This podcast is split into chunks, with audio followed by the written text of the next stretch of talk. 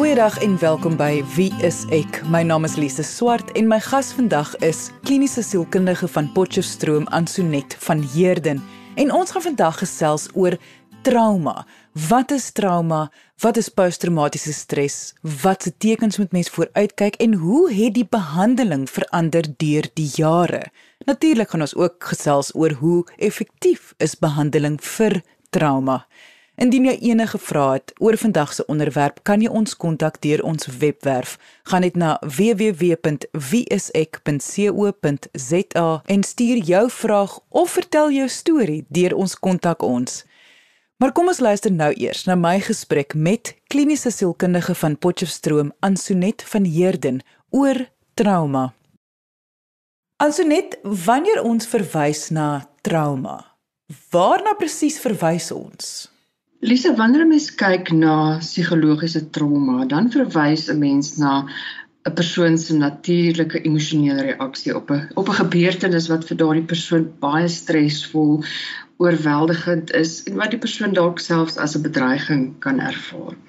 En dit het soms nadelige invloed op die persoon se funksionering en dit kan ook lankdurig van aard wees.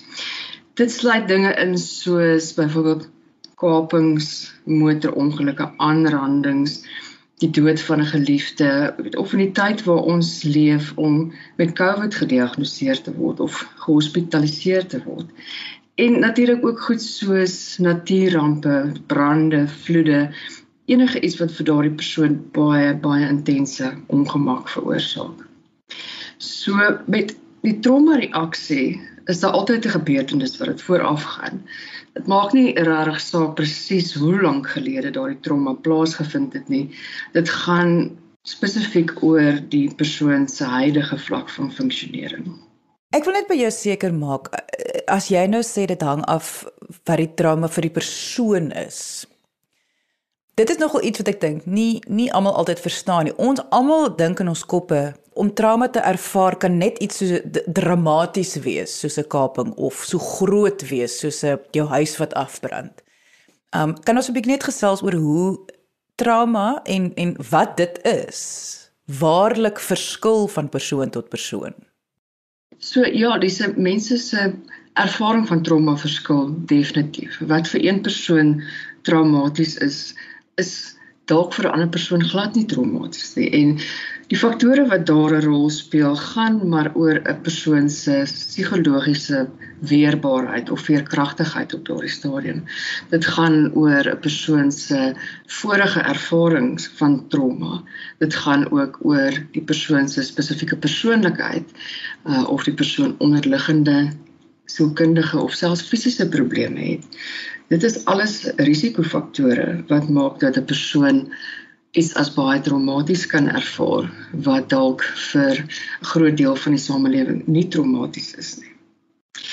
So as ons bietjie gaan kyk in die geskiedenis en ons gaan kyk na spesifiek trauma en posttraumatiese stresversteuring, dan sal ons sien dat daar eintlik eers in 1952 vir die eerste keer melding gemaak is in die eerste uitgawe van die DSM of terwyl die Diagnostic and Statistical Manual of Mental Disorders wat toe uitgereik is. En dit het daar 'n diagnose ingesluit van 'n baie wye stresreaksie. En dit was natuurlik nagelang van die wêreldoorlog. En dit het vreeslik baie name gehad soos hysterie of bomskok. Selfs woorde soos nostalgie en gevegsuitputting is gebruik. So met die verskyning van die tweede uitgawe van die DSM in 1968 het hierdie diagnose net om een of ander rede verdwyn. En dit was eintlik eers in 1980 na aanleiding van die Vietnamese oorlog wat posttraumatiese stres of 'n stresreaksie weer in die in hierdie handleiding opgeneem is en wat mense te weer formeel en amptelik gediagnoseer kon word met trauma of 'n traumaversteuring. So die wetenskap het gelukkig so vinnig gevorder sedertdien dat ons nou in die huidige DSM wat in 2013 uitgegee is, is daar 'n spesifieke hoofstuk afgestaan net vir trauma en stresverwante versteurings. En dit is 'n baie groot stap vir ons in die regte rigting.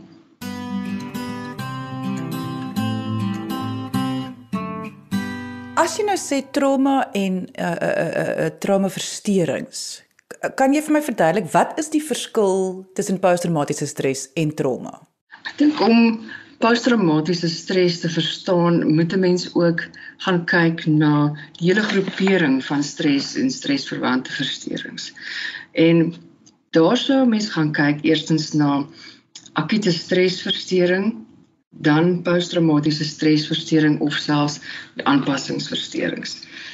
So wanneer ons gaan kyk na akute stresversteuring, is dit iets wat voorkom in die onmiddellike naderdraai van 'n tra traumatiese gebeurtenis. En dit sou tipies tussen die 3de dag na die trauma en 'n maand na die trauma gediagnoseer word. Dit verwys na emosionele en gedragsveranderinge wat in 'n persoon plaasvind baie kort nadat 'n traumatiese gebeurtenis ervaar is. So wanneer 'n persoon die gebeurtenis direk ervaar het of gesien het hoe dit met iemand anders gebeur. Dit kan ook voorkom wanneer iemand hore kom van 'n gebeurtenis wat met 'n nabye vriend of familielid gebeur het, maar in daardie geval moet dit gewelddadig of selfs onverwags wees. En as 'n mens dan gaan kyk na die simptome van akute stres, dan kyk ons na dinge soos herhaaldelike en onwillekeurige. Ek dink dis die belangrik om te sê onwillekeurige gedagtes en herinneringe aan hierdie gebeurtenis. Die persoon se gedagtes is heeltyd besig daarmee, dis half 'n preokkupasie met dit. Die persoon het ook dan herhaaldelike of ontstellende drome wat ons tipies nagmerries noem oor hierdie insident daar kan ook iets wees soos dissosiatiewe reaksies wat maar verwys na terugflitsse vergeet van sekere inligting. Dit is wanneer 'n persoon se belewenis van realiteit verander word. Dit is ook wanneer 'n persoon baie intense psigologiese of fisiologiese reaksies ervaar soos angs, paniekaanvalle, skuldgevoelens, geïrriteerdheid, woedeuitbarstings, naheid, hoofpyn, jy weet al daai goed wat wat eintlik gepaard gaan met wanneer iemand skok ervaar. En dan later van tyd kan dit ook lei tot impulsiewe gedrag. Jy weet as mens roekeloos in die strate afjaag of jy begin op substansies te misbruik.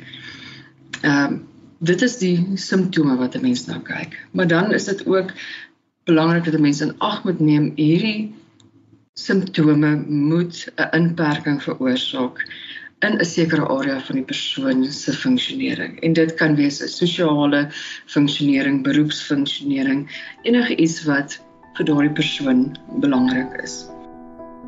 Jy luister na Wie is ek op RCG 100 tot 104 FM.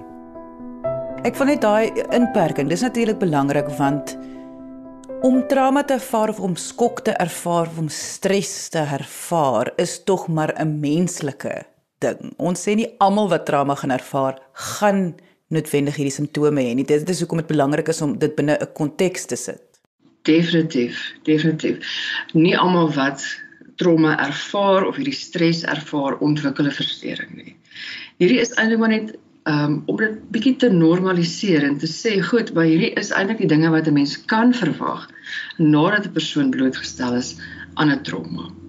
En ja, trauma kan deur enige iemand beleef word. Dit is oor die spektrum van oud na jonk enige plek in die wêreld enige iemand kan kan trauma ervaar. Dit selfs diere kan trauma ervaar. Ek dink enige iemand wat al by 'n uh, skuilings was vir vir diere, jou DBV plekke kan sien dat trauma ook 'n effek op diere het. So die belewenis van trauma is baie baie wyd, maar dit beteken nie noodwendig dat 'n persoon wat daaraan blootgestel is of dit aan die lyf ervaar het, 'n verstoring gaan ontwikkel nie. Hoekom ervaar ons trauma? Wat is die doel daarvan vir ons as mense? Die doel van trauma is 'n moeilike vraag om te antwoord. Wat ek wel kan sê is dat trauma regtig deel is van die menslike ervaring. Ek dink nie daar is een persoon op aarde wat kan sê my lewe is nog nooit deur trauma geraak nie.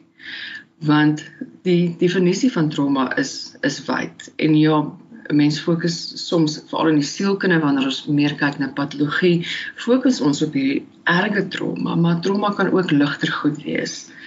Ehm um, of wat mens as meer ligter goed sou beskou. So die doel van trauma in 'n mens se lewe sou 'n mens kan kyk na 'n term wat ons noem posttraumatiese groei.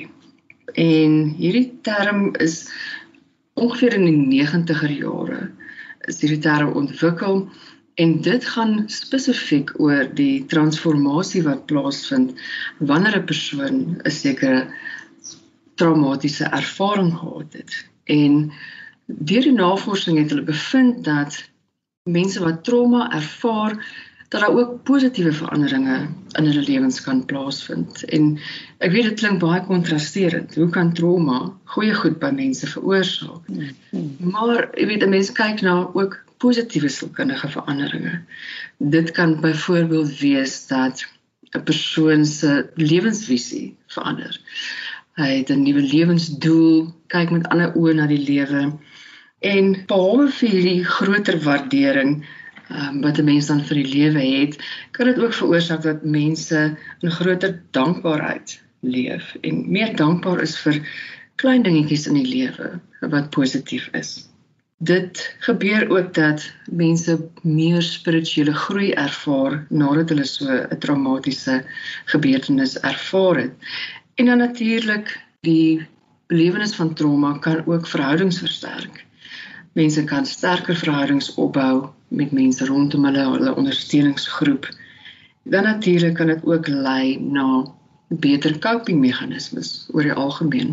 En selfs 'n persoon se selfbeeld kan verander nadat hulle trauma ervaar het as die, die persoon voel dat hy in beheer is, dat hy hierdie trauma kon in so 'n mate oorkom dat dit vir hom die selfvertroue gee om te weet dat hy ook toekomstige goed die hoof kan bied. Ansonet vroeër in die program het jy vir ons vertel hoe die navorsing verander het en hoe die kategorisering van trauma verander het uh, in die eh, DSM wat wat nou tans 5 is.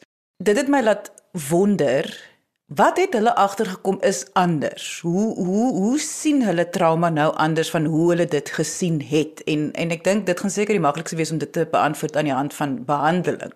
Ja, ek dink heel aan die begin net het trauma hof met 'n negatiewe konnotasie gehad om daarmee gediagnoseer te word. As ons kyk na die eerste diagnoserings van trauma, het hulle afgevoel dat dit persone is veral in die, die oorlogskonteks wat probeer om uit dit uit te kom, uh wat probeer het om gekompenseer te word vir hierdie trauma wat hulle ervaar het. En ons het regtig wegbeweeg van van daardie af waar ons kyk na na trauma is eintlik trauma is nie 'n siekte nie.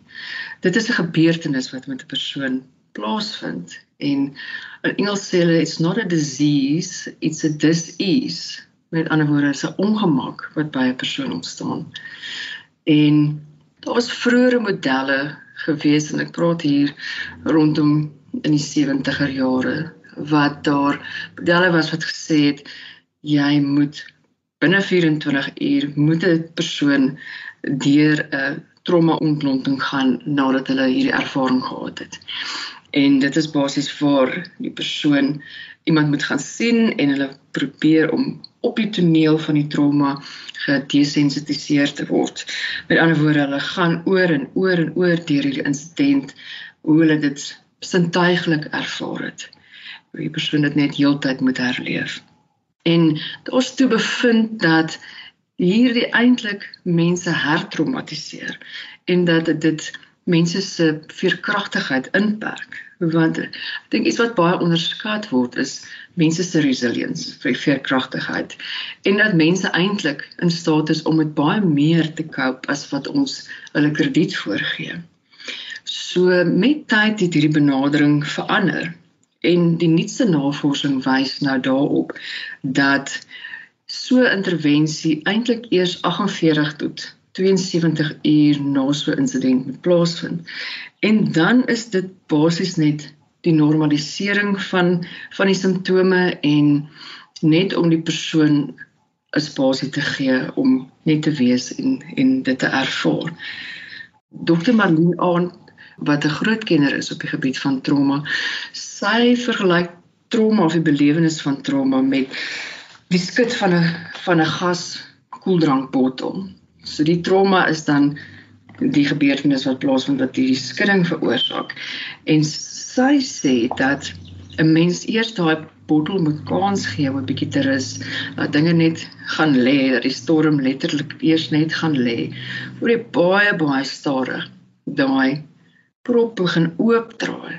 As jy daai prop te vinnig oopdraai, dan gaan daar letterlik net 'n gemors wees. So baie baie versigtig moet 'n mens hierdie hierdie trauma uh, benader en die eerste ding wat 'n mens doen is eintlik net sielkundige noodop. Jy gaan net in en metafories gaan stop hierdie bloed en dan gee jy die persoon kans om net tot verhaal te kom. So tipies sal ons probeer om binne die eerste 4 weke na die ervaring van 'n trauma dan baie sagkens te begin om daarmee te werk en dit sal wees op die persoon se se eie terme, sy eie tyd. Baie baie sagte benadering tot hierdie trauma.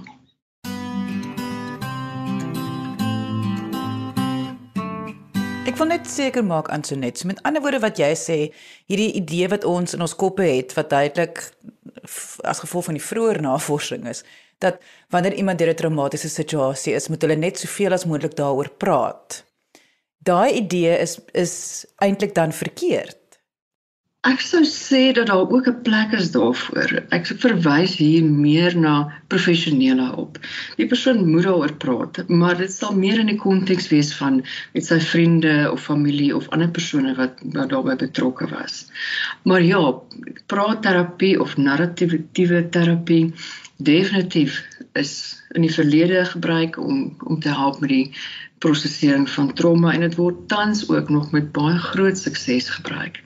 So wat ek probeer sê is net dat 'n professionele intervensie nie noodwendig hoef plaas te vind binne die eerste paar dae nadat 'n persoon trauma ervaar het nie. Kan 'n mens daar iets met jou gebeur wat traumaties is in jou kinderjare, maar jy ervaar eers die simptome in jou volwasse jare? Ja, dit is baie moontlik. So ons het vroeër gepraat oor akute stresversteuring en ons het gesê dit diagnoseer ons 3 tot 30 dae nadat 'n trauma plaasgevind het. So wanneer simptome van trauma aanhou langer as dit, dan kyk ons na die diagnostisering van posttraumatiese stresversteuring. So dit sou nou tipies wees waarna jy verwys het. So baie keer kan iemand wat vroeë trauma ervaar het nog steeds simptome van trauma ervaar of inperkings in hulle funksionering beleef. Baie keer gebeur iets met 'n persoon in sy volwasse lewe wat dan die herinneringe terugroep van wat in die kinderdae gebeur het. So baie keer is baie mense nie bewus van hierdie traumas nie, maar dit word deur sekere gevoelens of uh triggers na die voorgrond gebring en dan kan 'n persoon weer daai trauma ervaar. Soek jy 'n professionele persoon in jou area, gaan kyk op die WSE kontaklys by www.wsek.co.za. Hoe suksesvol is behandeling? Is is hierdie iets wat mense van genees kan word? Die hedendaagse behandeling sou ek sê is baie suksesvol. So ons het in die verlede gekyk, soos ek vroeër genoem het, na die narratiewe terapie wat jy daar praat en dit het baie goed gewerk. Wat ook vandag nog baie goed werk is kognitiewe gedragsterapie. So dit word nog steeds ingespan in die behandeling van trauma. Maar daar was ook baie ontwikkeling in die veld oor die afgelope 20, 30 jaar waar daar gekyk is na ander metodes of ander benaderings tot die behandeling van trauma waar dit bietjie meer gaan om onder die korteks van die brein te kom onder die hierdie logiese rasionele deel van die menslike belewenis. Om meer te gaan kyk wat gebeur in die limbiese stelsel in die breinstam en dit is meer 'n brein-liggaam fokus eerder as 'n narratiewe fokus. Voorbeelde hiervan is EMDR dit staan vir eye movement desensitization and reprocessing. Dis een van die nuwe tegnieke of relatief nuwe tegnieke wat gebruik word. Somatiese ervaring brain spotting word deesdae gebruik of BWRT wat brain working recursive therapy is. So ek wil nie in die tegniese aspekte daarvan ingaan nie, maar dit is net die verskywing in in fokus wat die afgelope jare plaasvind. Maar om terug te kom na jou vraag van hoe suksesvol is die behandeling van trauma. So ek dink 'n mens moet gaan kyk na volkomme herstel. Sou mens sê dat 'n persoon sal teruggaan na 'n 'n staat van waar die persoon was voor hierdie trauma met hom gebeur het. En soos jy weet, ek dink in baie gevalle is dit net onmoontlik. Ons kan eenvoudig nie net trauma uitvee uit 'n persoon se lewe uit nie. So baie keer is die behandeling van trauma baie moeilik. Die fokus vir ons is eerder om 'n persoon te kry om aangepas te wees by sy trauma. Met ander woorde vir die persoon om 'n uh, stabiele ekwilibrium van emosies en funksionering te kan handhaaf. Dit is basies ons fokus is om probeer om die simptome te bestuur en 'n persoon te kry om weer baie goed te funksioneer. Partykeer nie altyd soos wat hy noodwendig voor die trauma gefunksioneer het nie, maar op 'n baie goeie vlak van funksionering te kry. So ja, die behandeling van trauma is in meeste gevalle baie effektief wanneer dit deur die regte persoon die regte tegnieke behandel word. Jy luister na Wie is ek op RSG 100 tot 104 FM. Ansonet, wat sou jy graag wou hê moet mense wel wegvat uit vandag se episode? Ek sou baie graag wou hê dat mense wat vandag luister, moet besef dat trauma 'n normale deel is van ons daaglikse lewe en dat trauma nie altyd tot 'n verstoring lei nie. Maar in dieselfde asem dat trauma mense, sommige mense negatief kan beïnvloed en dat daar hulp daar buite beskikbaar is om persone by te staan in die ervaring van van trauma en om te help dat die persoon kan aanpas by vorige traumas wat ervaar is of huidige traumas wat uh, ervaar word. Daar is hulp daar buite. En Ek sê altyd vir mense, moenie die lewe vir jouself moeilik maak nie. Daar is hulp, kry dit. En dit was kliniese sielkundige Ansonet van Heerden. Indien jy enige vrae het oor vandag se onderwerp, kan jy ons kontak deur ons webwerf by www.wieisek.co.za of kom gesels saam op ons Facebookblad onder wieiseksa. Weksdae 9uur het ek live gesprekke met medies professionele mense oor verskeie sielkundige onderwerpe en menslike gedrag So kom gesels saam, kom vra jou vraag en kom gee jou opinie. Dis op Wie is ek se Facebookblad onder Wie is ek SA. Baie dankie dat jy vandag ingeskakel het. Ons maak weer so. Volgende Vrydag 12:30 net hier op RSG. Jy moet 'n heerlike naweek hê en onthou, kyk mooi na jouself.